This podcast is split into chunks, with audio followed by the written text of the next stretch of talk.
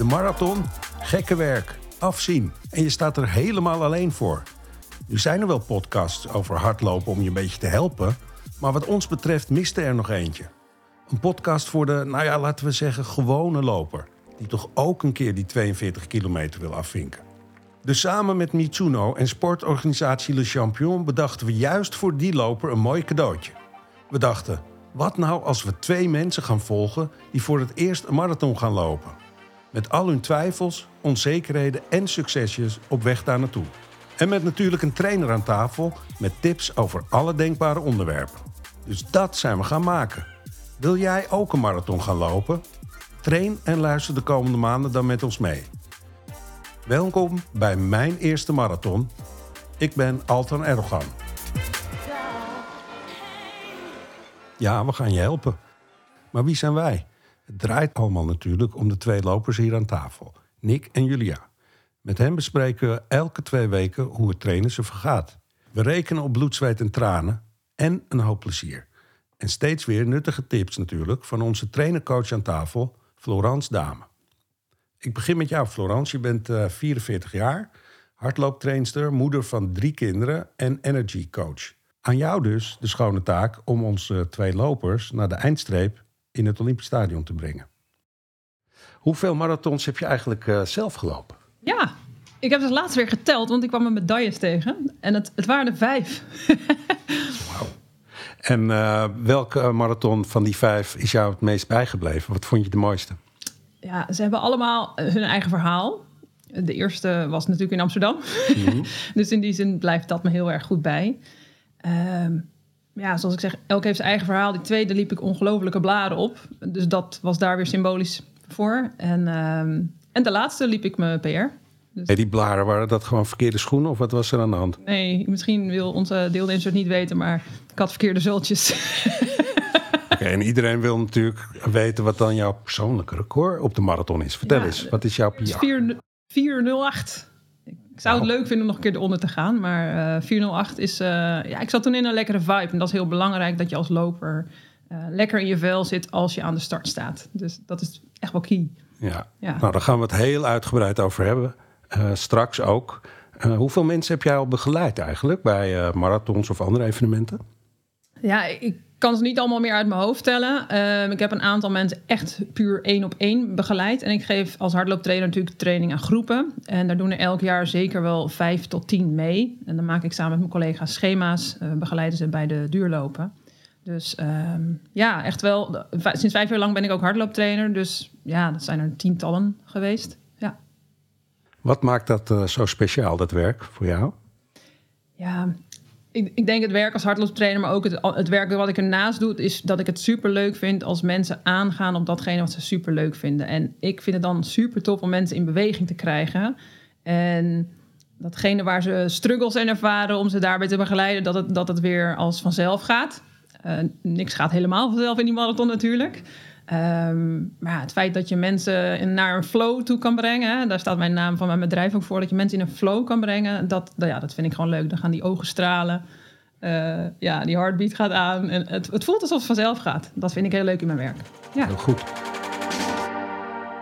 De vraag is natuurlijk hoe onze twee deelnemers hun energie gaan uh, managen en de regie gaan nemen over hun energie. zij hebben namelijk de hoofdrol de komende afleveringen. Het zijn er twaalf. Julia en Nick. Julia is 25. Je woont uh, samen met twee huisgenoten in uh, Amsterdam. En uh, je wil een marathon lopen. Klopt. Ja. Waarom in godsnaam wil jij een marathon lopen? Ja, ik hou van, van uitdagingen. Ik heb een paar jaar geleden bijvoorbeeld ook een wereldrecord gevolleybald. wereldrecord gevolleybald? Wereldrecord gevolleybald, 101 uur achter elkaar. Bijna een week mee bezig geweest. En nu um, werd ik 25 en ik dacht, nieuwe uitdaging. Ik voelde me fit en ik ik vind hardlopen heel erg leuk. Toen dacht ik, ja, waarom niet de marathon? En waarmee ga je die marathon uh, combineren? Wat doe je in het dagelijks leven? Ik uh, volleybal bij een studentenvereniging in Amsterdam ook. En ik werk, waar ik druk mee ben. Ik ben uh, gemeentelijk adviseur bij een adviesbureau in het sociaal domein. net begonnen, mijn eerste baan, maar superleuk, superleuk bedrijf. Waar dus, kijk je nu het meest tegenop? Als je aan een marathon denkt? Um, ja, ik ben gewoon bang dat ik dan me net mijn dag niet heb. Ik heb nu wel paar weken terug dat ik dan de 15 kilometer voor mezelf denk, nou, vandaag 15 kilometer. Dat ik na 5 kilometer denk, nou, ik kan gewoon niet meer. Of ik heb gewoon geen zin, het lukt gewoon niet. Het zijn gewoon niet mijn benen vandaag. Dus ik ben een beetje bang dat ik dat uh, zoiets krijg. Ja. Zou dat ook kunnen voor zo'n groot evenement met al die spanning erbij? Dat je denkt, oh, het is mijn nee, dag Nee, dat denk ik niet. Ik denk dat ik wel uh, uh, van al die mensen gewoon veel adrenaline krijg. En dat dat wel goed moet komen. Maar toch zit het er ergens in mijn achterhoofd. Ja. ja. Is dat nou het leven met alle muziekfestivalletjes, leuke andere dingen uitgaan? Um, dat je makkelijk kan combineren met zo'n marathon? Wat denk je? Ik hou wel inderdaad van feestjes, naar de kroeg gaan met vriendinnen, festivalletjes. Dus dat is ook wel een vraag dat ik denk, hoe ga ik dat combineren? Als ik een lange afstand moet lopen, even doorgezakt en ja. Ja. ja. Dan is er iemand, jij mag zelf vertellen wie dat is, maar dat weten we dan toevallig die best wel een grote rol heeft gespeeld als het gaat om de marathon en uh, de inspiratie, zeg maar, voor marathons. Wie is dat? Klopt. Uh, dat is opa, mijn opa, opa Dirk. Uh, hij heeft zelf ook een aantal marathons gelopen. En hij, sinds dat hij hoort dat ik de marathon ga lopen, is hij helemaal hysterisch. En, of nou, hysterisch. Hij bedelft me onder boeken. En hij heeft volgens mij meer zin in dan ik erin zin in heb. En hoeveel, hoeveel marathons heeft hij zelf gelopen? Vijf ook, geloof ik. We hebben een kleine verrassing voor je. Want uh, we hebben hem even gebeld en gevraagd. Dus uh, luister maar even. In 1983 heb ik de eerste, mijn eerste echte marathon gelopen. In drie uur en acht minuten. En dat was mijn snelste ooit. Het is een verschrikkelijke doorzetter. Ze heeft in, in, in China, heeft ze, in, in Peking heeft ze een tijdje op de universiteit gezeten. In het kader van een rondreis over de, over, half, over de halve aardbol. Ze is ongelooflijk sportief. Ze doet ook veel aan volleybal. En ze, ze speelt zelf zeker één of twee keer wedstrijden per week. Nou Julia, ik hoop dat je, zoals je het jezelf hebt voorgenomen, er geweldig uh, aan, aan, zal doen en je het zo, zonder meer zal uitlopen. Nou, dat is heel lief, leuk. Hè? Heel lief. Naast Julia zit Nick. En uh, Nick is uh, 34. En je bent bijna vader. Wanneer kunnen we een uh, nieuw Nickje junior verwachten? Um, als hij zich aan het tijdschema houdt, uh, 29 mei. dus dat, dat is al snel. Ja. En uh, wat bezielde jou om dan te denken... nou, dan ga ik nu ook maar even trainen voor mijn eerste marathon... terwijl de eerste baby eraan komt? Um, nou ja, ik speel eigenlijk al heel lang met het idee om een marathon te lopen. Um, en in 2019 ben ik echt weer ook wedstrijden gaan lopen. Toen was eigenlijk mijn insteek... dan loop ik de marathon het jaar erop... Maar toen werden alle wedstrijden afgelast vanwege corona. Um, en dit was eigenlijk de eerste mogelijkheid dat ik zoiets had van de Amsterdamse marathon komt er weer aan. Uh, ik, ik, schrijf me in en ja, toevallig uh, viel dat samen met uh, de zwangerschap van mijn vrouw. Dus ja. ja. Ja, kijk, een baby maken kon natuurlijk wel met corona. Dus dat ging allemaal door, dat ja, snap ik. Dus dat is gelukt. Hey, en, en dan uh, ook voor jou toch de vraag... waar zie je het meest tegenop? Wat, of laat ik het anders zeggen... wat is jouw grootste uitdaging voor die marathon? Ik denk dat het uh, toch het feit is dat je te snel begint. Omdat ik... Uh, ik heb wel een bepaalde tijd in mijn hoofd die ik wil lopen. Um, en dan halverwege de marathon gewoon opgebrand zijn. En dan...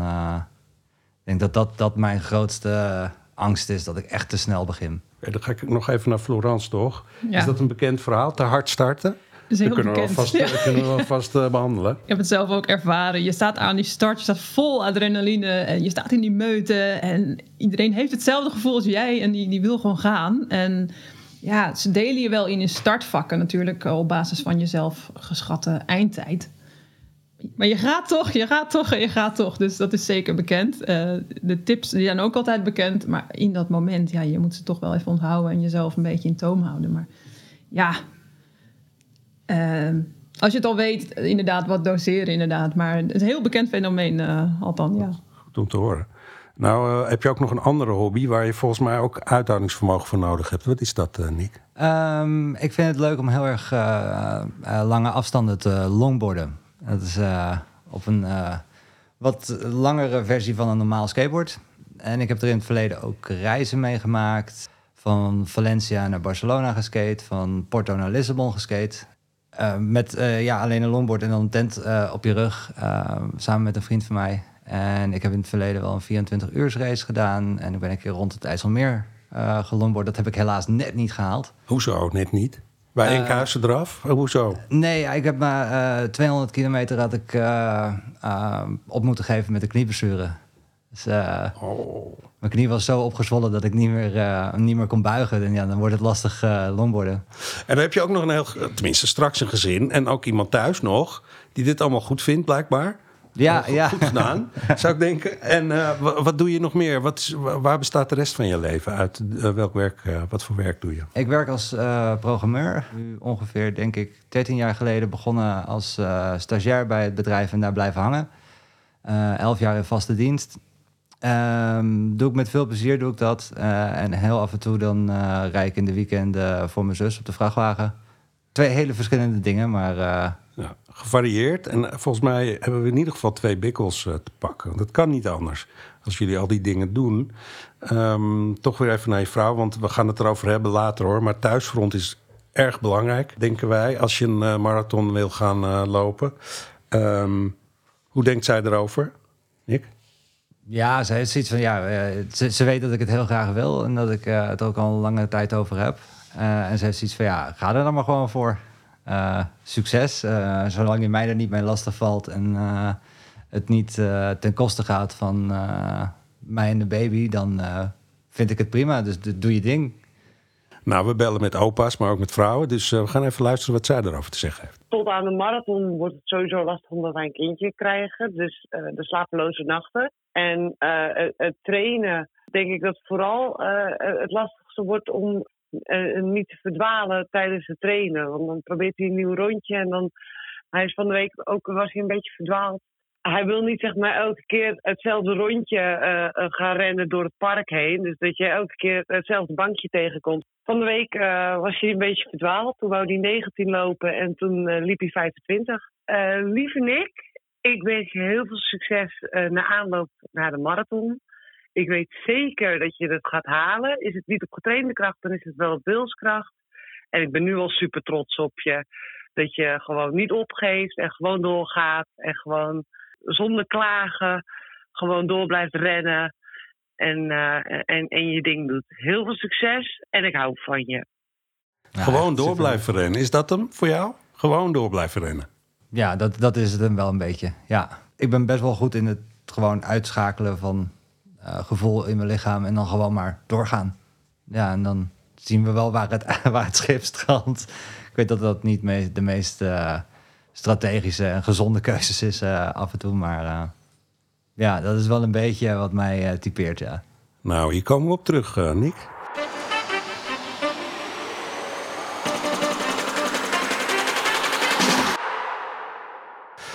Ik ben er ook nog bij. Ik ben uh, Alten Erdogan, de host van de podcast. Dat hadden jullie inmiddels gehoord. Ik ben zelf 55, vader van een dochter van 17. En in het dagelijks leven ben ik hoofdredacteur van de stadszender AT5. En uh, geloof het of niet, ook ik wil dit jaar mijn eerste marathon gaan lopen. En uh, we kijken meteen naar uh, Florence. Florence, is dat nou verstandig als je 55 bent en dan nog de eerste marathon? Uh... ik zou bijna de 55 is wel een grens hoor, nee. Ja, ik, zag laatst een bericht. Uh, volgens mij was het op de... Nou, ergens op het internet. En er was een 70er, die had net weer een uh, nieuw wereldrecord in zijn leeftijdscategorie gelopen. Onder de drie uur. Zo stoer. En ja, kijk maar uh, bij elke marathon, je ziet mensen op verschillende leeftijden. Het gaat meer om, niet om leeftijd, maar de verhouding tussen de belasting die je ervaart en jouw eigen belastbaarheid. Dus als jij een fitte 55 bent, dan zou ik zeggen, lekker aan die start gaan staan. Ja. Het is heel moeilijk om je eigen belastbaarheid te kennen, toch? Dan moet je bijna tot de grens gaan om, om die te leren kennen. Is dat zo of niet? Ik zou zeker niet je gevoel uitschakelen. Kijk even naar Nick. Um, ja, dat is dus ook ervaren. En uh, geen één week, geen één maand is het, is het precies hetzelfde. Dus uh, het is belangrijk om continu naar je lijf te blijven luisteren. Wat geeft het aan? Wat kan ik nu? Um, en, en daardoor kun je dus um, je belastbaarheid gaan vergroten. En dat wil je als je zo'n marathon loopt. Mensen die luisteren, die denken misschien ik wil het ook wel doen. Welke basics, welke voorwaarden, waar moet je nou eigenlijk aan voldoen... om uh, te beginnen aan zo'n marathon of aan de training voor een marathon? Ja. Nou, ik denk de belangrijkste vraag is uh, why? Waarom? Waarom wil ik dit? Uh, mm-hmm. dat, dat geeft ook aan ja, waarom je gemotiveerd bent. Dit vraagt ook wel doorzettingsvermogen, maar ook een stukje voor, volharding inderdaad, om die trainingen te kunnen doen. Dus dat is belangrijk, weten waarom je het wilt. Als je dan een slechte dag hebt, dan kan je daar weer aan terugdenken. Um, ja, support van thuisfront. Een stuk balans tussen ja, je werkende, je dagelijks leven en je eigenlijke doel. Um, ja, en belangrijk is natuurlijk uh, je eigen fitheid en gezondheid. Uh, ik raad het ook altijd aan als je je eerste marathon doet om een sporttest te doen. Um, ja, een fijn trainingsschema en dat je goed op je blessures, uh, dat je blessures voorkomt. Dat is het meest belangrijke.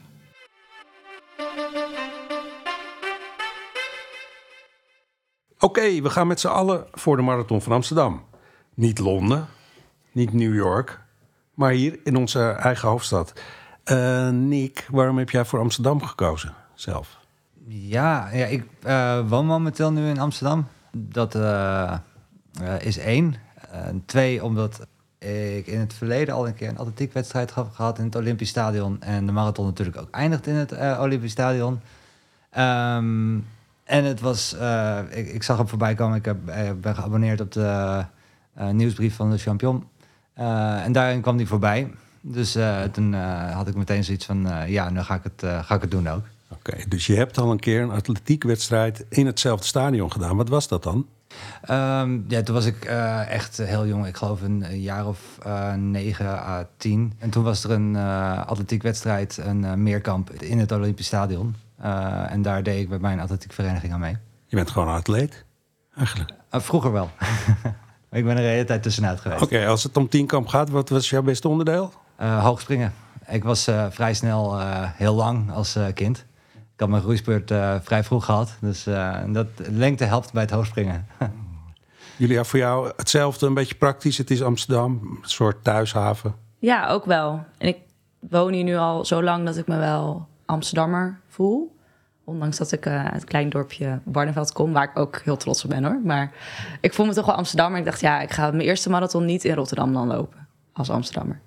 Dus, um, en ook wel leuk dat nu ook gewoon allemaal vrienden kunnen kijken. Gemakkelijk. Waar verwacht je ze? In het Vondelpark of uh, op de nou, Stadhouderskade? Wat denk je? Ik um, verwacht eigenlijk van mijn vader dat hij mee gaat fietsen. Of tenminste, dat doet hij met de Dam te Dam lopen. Dan ging hij op verschillende plekjes en dan oh. fietst hij mee. Maar ik heb ze eigenlijk een beetje instructie gegeven om op stukjes te staan waar niet zoveel publiek is. Of bij de 30 kilometer. Omdat ik dan, tenminste wat ik van mensen hoor, van dat het dan zwaar gaat worden. Dat ik dan even support heb van uh, vrienden en, uh, en familie. Nou, dat klinkt goed. De vraag is of het allemaal kan. Daar gaan we het later ook over hebben. Over het parcours en wat je allemaal tegenkomt. En uh, dat is erg interessant.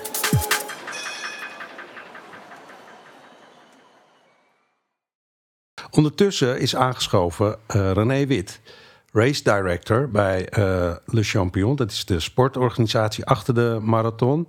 Ik denk dat je al een tijdje bezig bent voor de voorbereiding van de marathon. René, klopt dat? Dat klopt. We zijn uh, eigenlijk al een jaar van tevoren bezig met uh, de aankomende editie. Dat begint natuurlijk met de evaluatie van de huidige editie. En we doen meestal ook een enquête onder de deelnemers. Dan stel je een programma op wat je de komende jaar op het programma wil hebben qua afstanden. En dan begint eigenlijk het vergunningentraject, de werving begint, de campagne om nieuwe deelnemers te werven. Dus eigenlijk zijn we ook jaar rond bezig met uh, de aankomende editie. Nou ga ik een hele domme vraag stellen. Het is altijd hetzelfde rondje. We komen langs allezelfde plekken en toch ben je al een jaar van tevoren ermee bezig. Leg eens uit.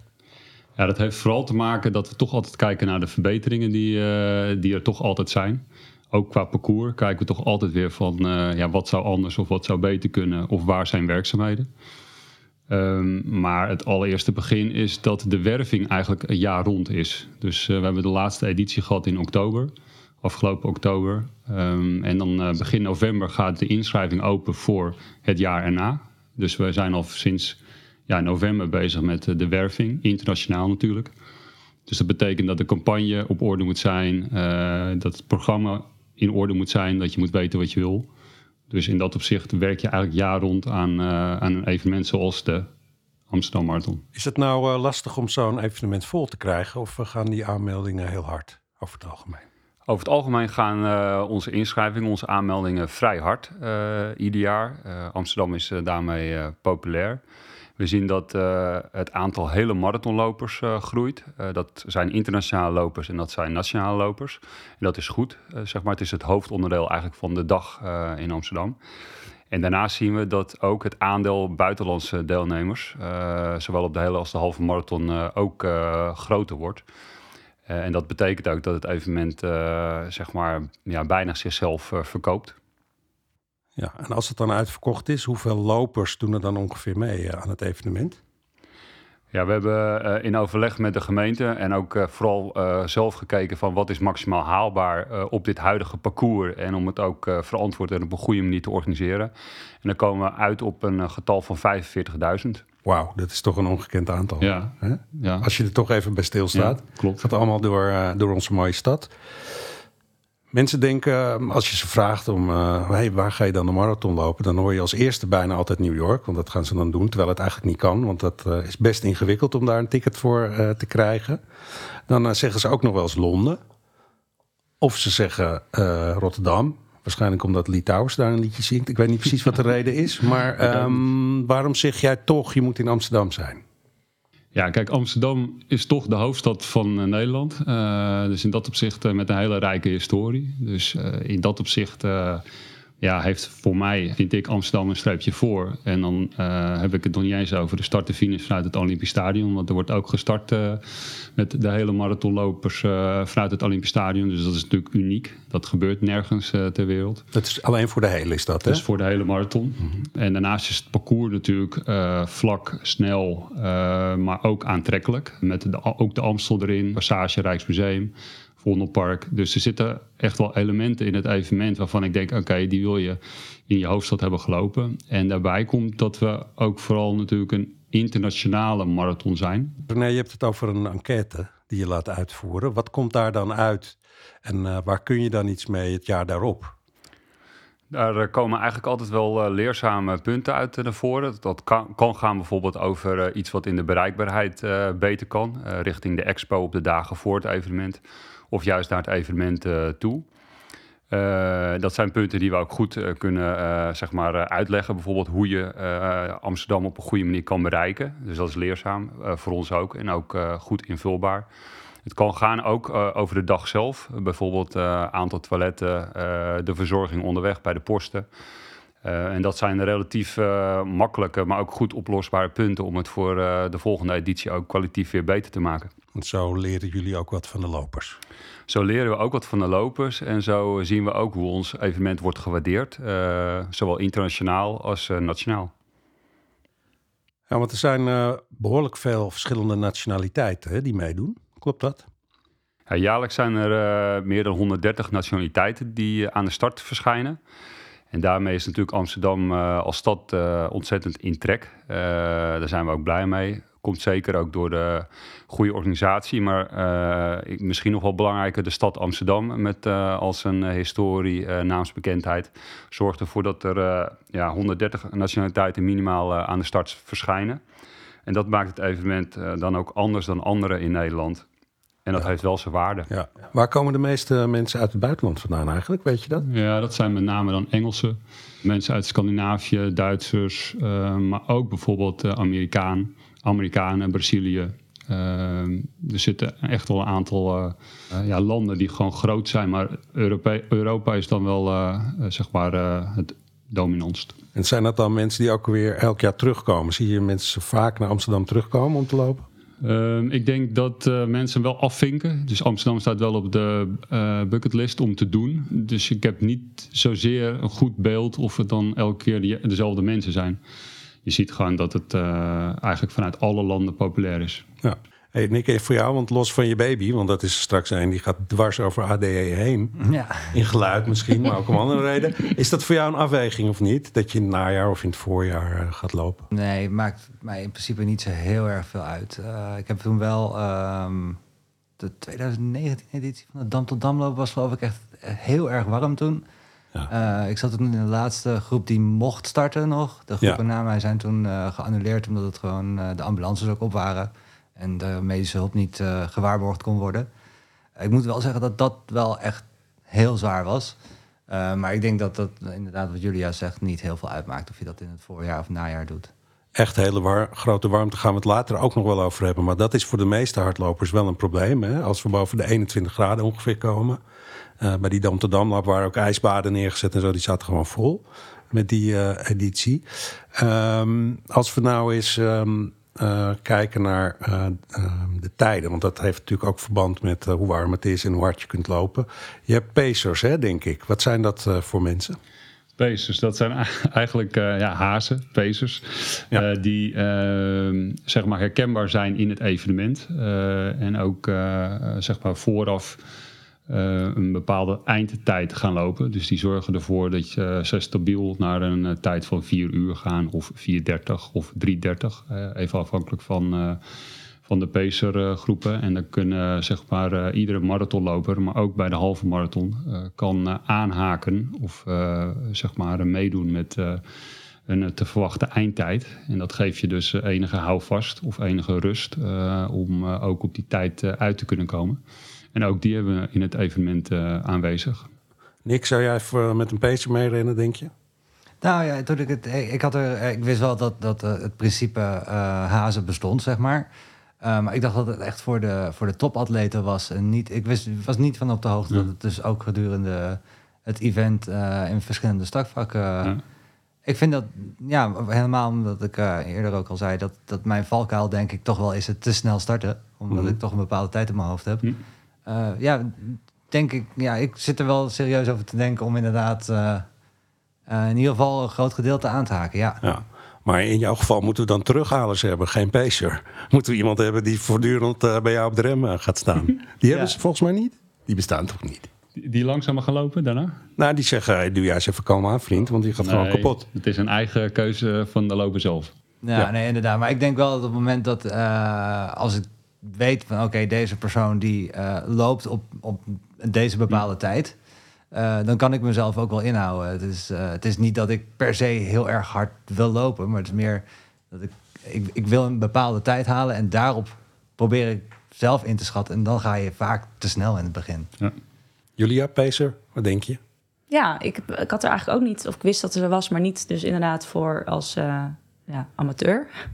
Maar ehm, ik heb denk ik het juist andersom, dat ik in het begin niet te hard wil gaan, omdat ik dan bang ben dat ik dan niks meer over heb op het einde. Dus dan is het denk ik ook wel eh, prettig als je gewoon een beetje stabiel tempo kan lopen. Ja. Kun je ook ja. René stuk lopen met een pacer?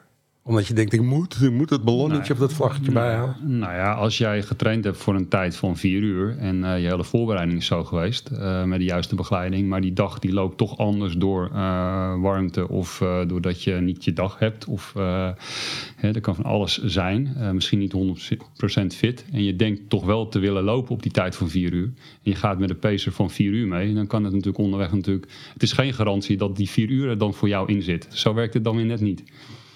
Dus het blijft eh, gewoon mensenwerk. En eh, vooral ook eh, naar je eigen lichaam luisteren op de dag dat het moet gebeuren. René, we spreken jou later ook nog eens. Want we willen ook kijken naar het parcours en waar je misschien op moet letten als je op de dag zelf van start gaat vanuit het Olympisch Stadion. Ehm, en nog een paar andere tips. Dank je wel alvast voor, voor nu.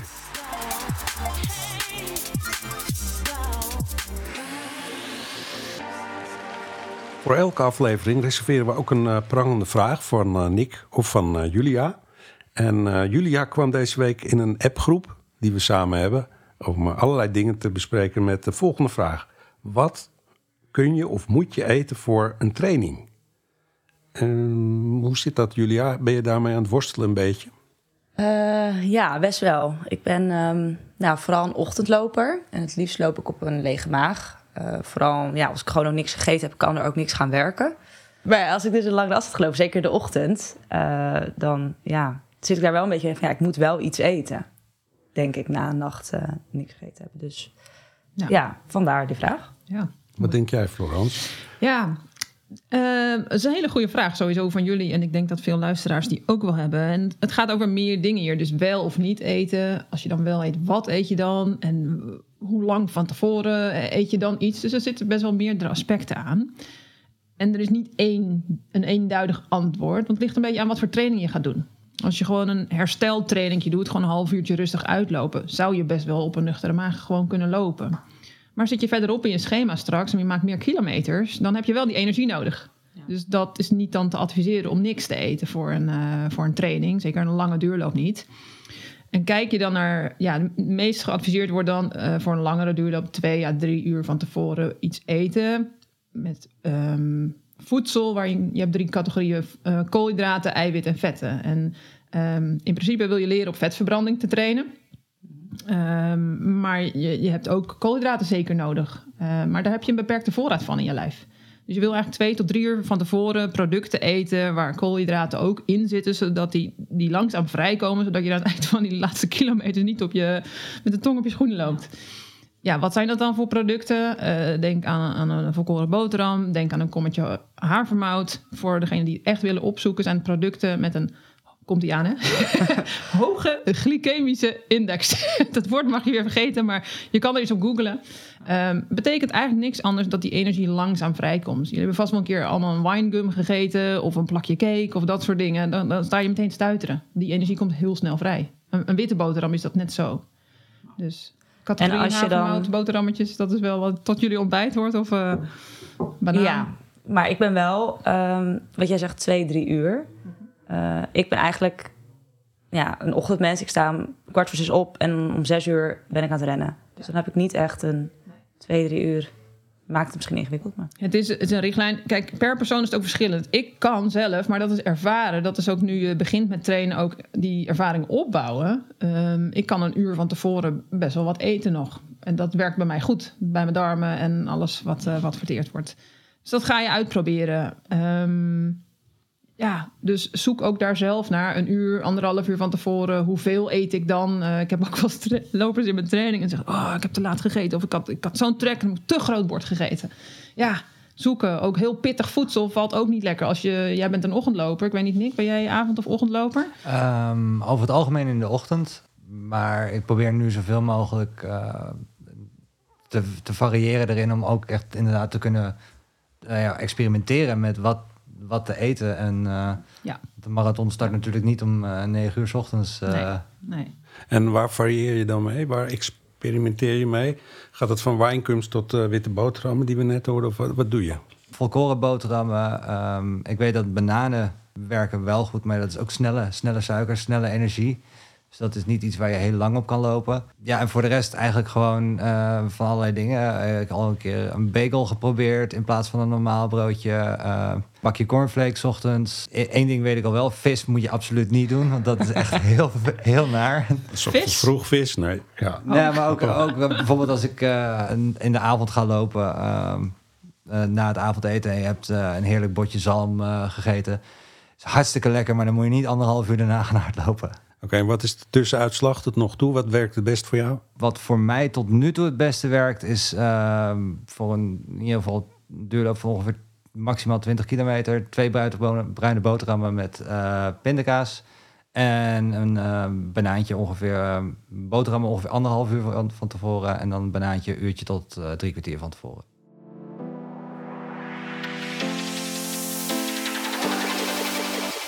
Nou, de marathon uh, loop je niet zomaar, zoveel is duidelijk.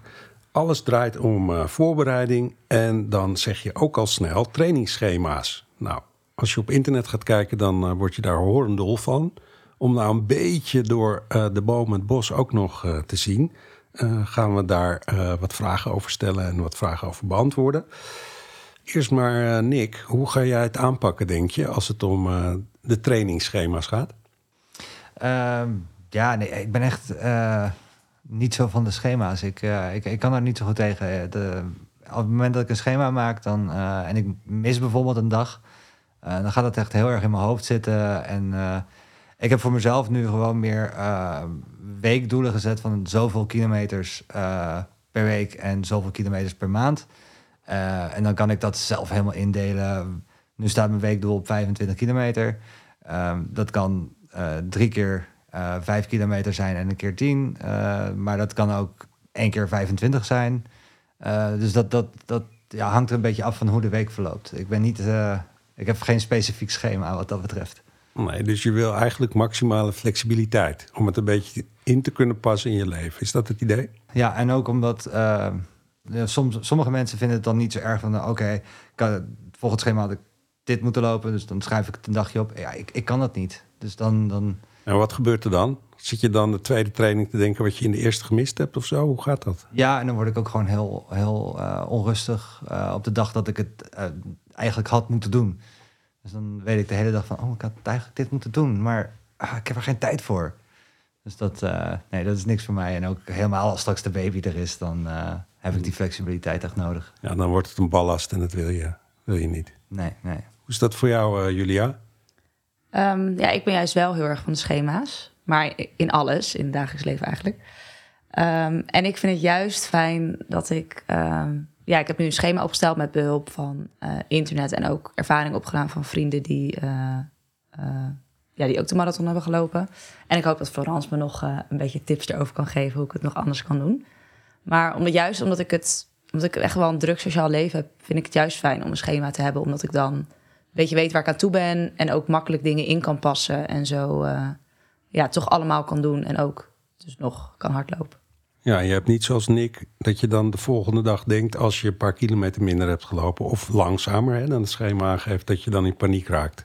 Of dat het een last wordt voor je. Nee, en ook omdat ik van mezelf weet dat ik eigenlijk nooit een dag mis. Als ik echt iets wil doen en ergens een schema voor heb gemaakt... Uh, dat was ook al op de middelbare school met tentamens bijvoorbeeld. Dan maakte ik een heel mooi schema met kleurtjes en uh, met mijn werk trouwens ook dat ik het gewoon, ja, dan hou ik me er ook aan. Daar ben ik altijd best wel strikt in. Oh, wat ja. fijn. Volgens mij is dat hartstikke fijn als je dat kan, toch? Zeker, ja.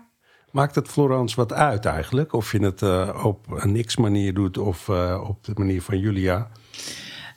Ja, eh, ik ben persoonlijk fan van wel een schema als een handvat voor jezelf. Het, het schema is niet uh, leading, maar het is een middel om je doel te bereiken.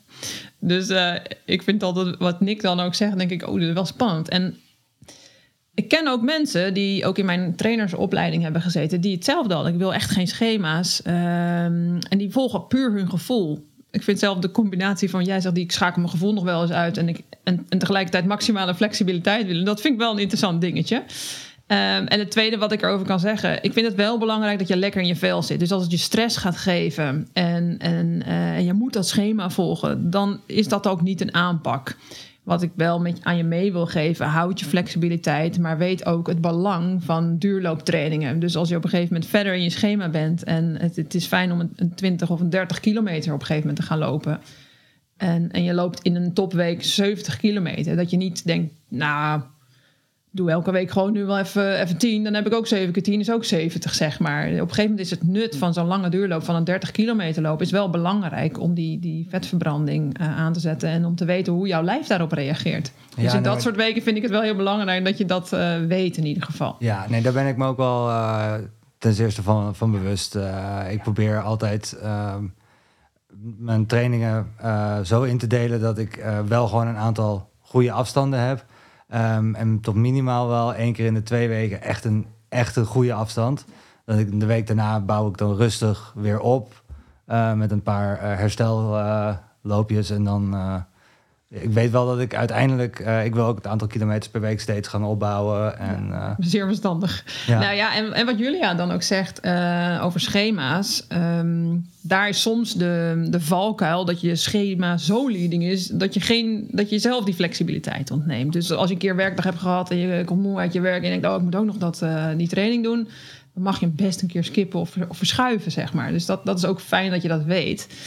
Um, maar dan gaat er geen alarm af eh, bij jouw Excel-sheetje? Uh, nou, het is ook... Um, ik had eerst een schema wat, wat vier keer in de week trainen was. En ik denk dan dat het dan wel mis was gegaan. Want vaak red, red je dat niet. Maar nu is het drie keer in de week. Uh, nou, ik sport nu ook minstens drie, vier keer in de week. Soms vijf als ik uh, zin heb. Dus dan denk ik, ja, dan moet drie keer in de week lukken. En dan hopelijk dat het, dat geen stress oplevert, inderdaad, als ik een keer een dag mis. Maar... En we gaan ook naar dat schema van jou kijken. En uh, op basis van de sporttesten die jullie hebben gedaan, in ieder geval voor jou, voor jouw schema, kunnen we dan ook aan, aangeven van in, wat is dan bijvoorbeeld rustig lopen en hoe, welk tempo loop je die, uh, die lange duurlopen straks. En als je een keer een, een, een tempo loopje doet, wat weer een, een, term is die we volgende aflevering vast nog gaan toelichten, uh, op welke hartslag loop je dat dan weer? Ja, want je zegt nu duur, duurloop. Dat is voor mensen die vrij veel hardlopen wel een bekende term.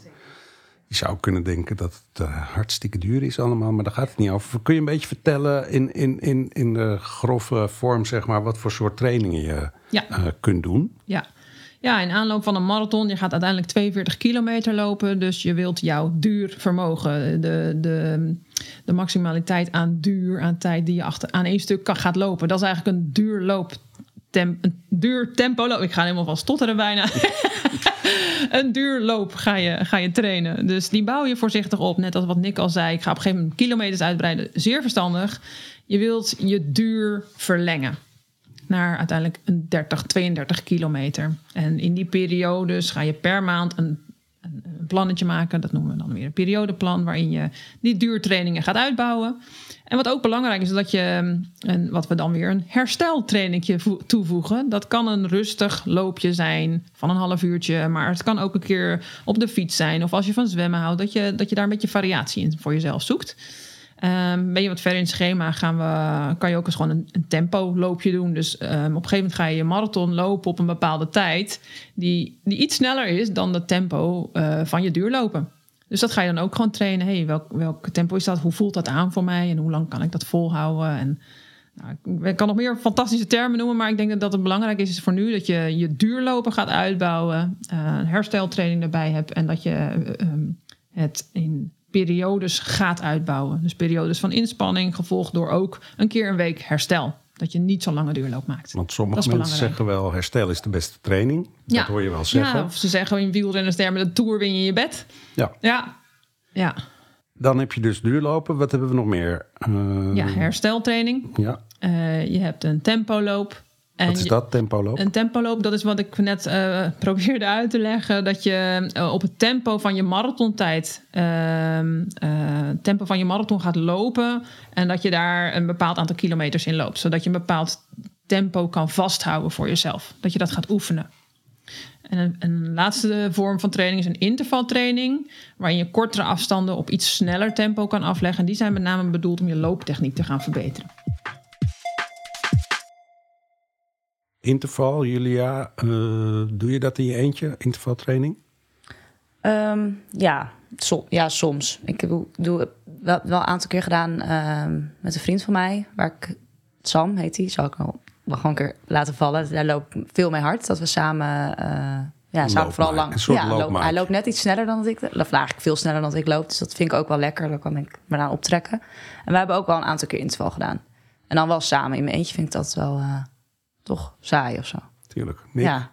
Doe jij intervals? Nee, nee, eigenlijk ehm, voornamelijk eh, herstel, eh, tempo en eh, duurtraining.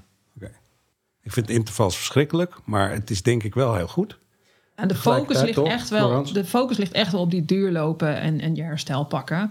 Ehm, want daarmee leer je jezelf om goed en zuinig met die energie om te gaan. En dan bouw je die duur uit. Dus dat zijn de belangrijkste componenten. Dus die moeten er sowieso in zitten. Ja. Ehm, wil je echt een goede tijd neerzetten, dan kan het je helpen om eens een interval. Of als je van variatie houdt, kan een intervaltraining ook niet. Je moet het ook leuk blijven vinden. Dus ga daar vooral naar op zoek. Wat, wat vind ik nou leuk als ik hard loop? Ja, leuk is één ding. Hoe ga je nou meten wat je kunt?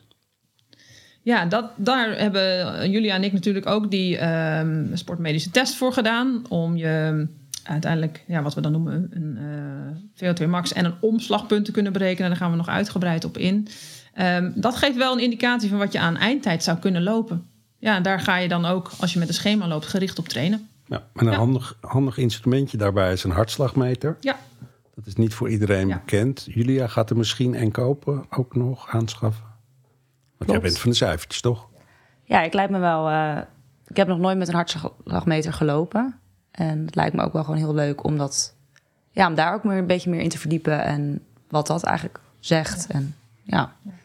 En je hartslag is wel een belangrijke indicator, want het is een basis voor je conditie. Dus hoe lager je op een gegeven moment eh, je hartslag is bij, eh, bij een bepaald, eh, bepaalde afstand, hoe beter je conditie getraind wordt. En dat is ook wel leuk voor jezelf om te zien als je een hartslagmeter hebt. Dat je ziet, hé, hey, mijn hartslag gaat lager in als ik die duurlopen zo op een gegeven moment ga verlengen. Dat betekent eigenlijk dat je conditie beter wordt. Dat Ja. je hart minder hard hoeft te werken. En dat is beter. Nou, over die tests. Ehm Nick gaat hem nog doen en eh, Julia heeft hem nu gedaan. Daar komen we in de tweede aflevering heel uitgebreid op terug. Want er valt heel veel te zeggen over die cijfertjes. En ook heel veel eh, aan te passen misschien. En eh, te halen, zeg maar, als het om cijfertjes gaat. Even nog het laatste cijfer voor jou, Florence. Wat is de langste afstand die je moet gaan trainen als je marathon wil lopen? Ja. Er zijn ook weer verschillende theorieën over. Je hebt ook uh, zoiets als een uh, sportrustschema. Dat is een heel andere aanpak. In de nou, reguliere, um, ja, de reguliere schema's die trainers aanbieden... die je vaak ook op internet tegenkomt... is 30 tot 32 kilometer echt wel de langste afstand die je hoeft te lopen. Daarboven belast je jezelf te veel... En uh, zou je dat bijna kunnen zien als een tweede marathon die je al loopt in de voorbereiding. Dus 32. En dat loopt op, hè, denk ik. Ja. En daar gaan we het nog uitgebreider ja. over hebben. Zeker. Uh, nu even de korte uh, termijn. Wat staat er voor de komende twee weken op het programma? Voor Nick en Julia. Nou ja, ik ben op dit moment een beetje aan het struggelen met mijn nieuwe schoenen, nieuwe zooltjes. Um, dus ik hoop dat ik. En ik ga volgende week ook op vakantie. Dus voor mij niet zo heel veel op dit moment. Ik hoop snel te beginnen met mijn schema. Uh, ik denk volgende week een vijf, misschien tien kilometer loopje.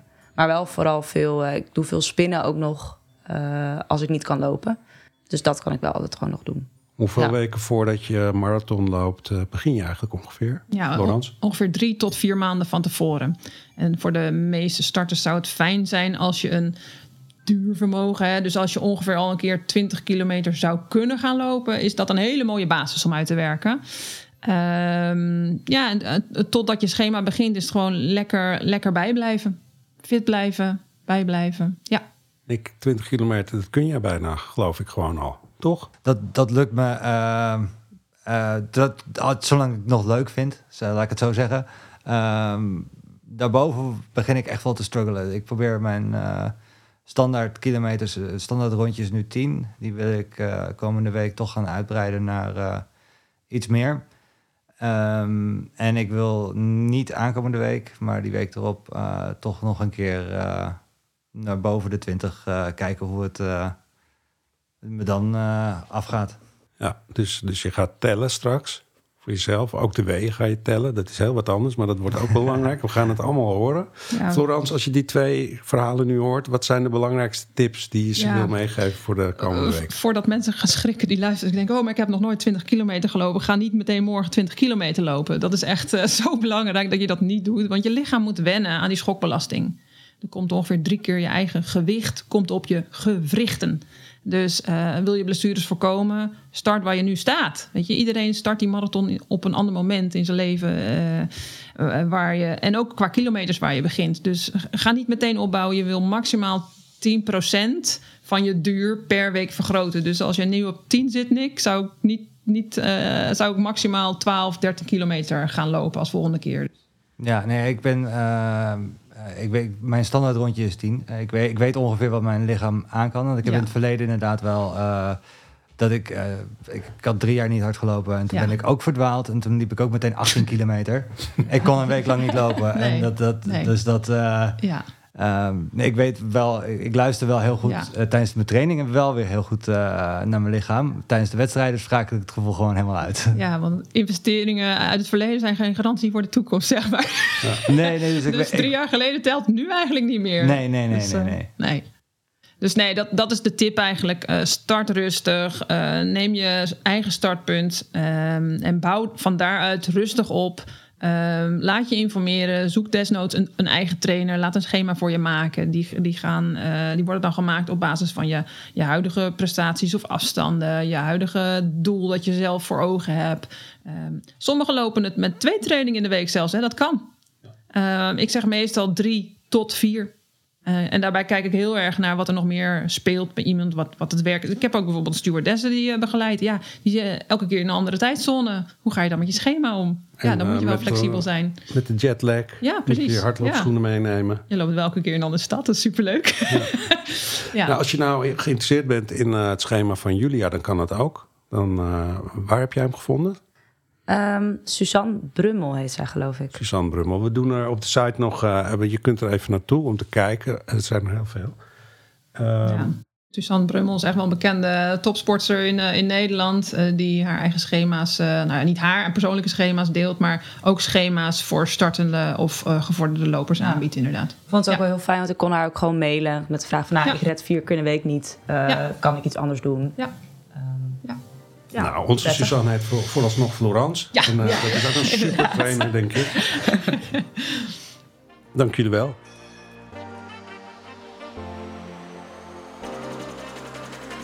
Oké, dan ga ik je nu vertellen wat je de komende afleveringen kunt verwachten. Elke twee weken kun je een nieuwe aflevering luisteren. En dan draait het erom hoe vergaat het Julia en Nick in hun voorbereiding.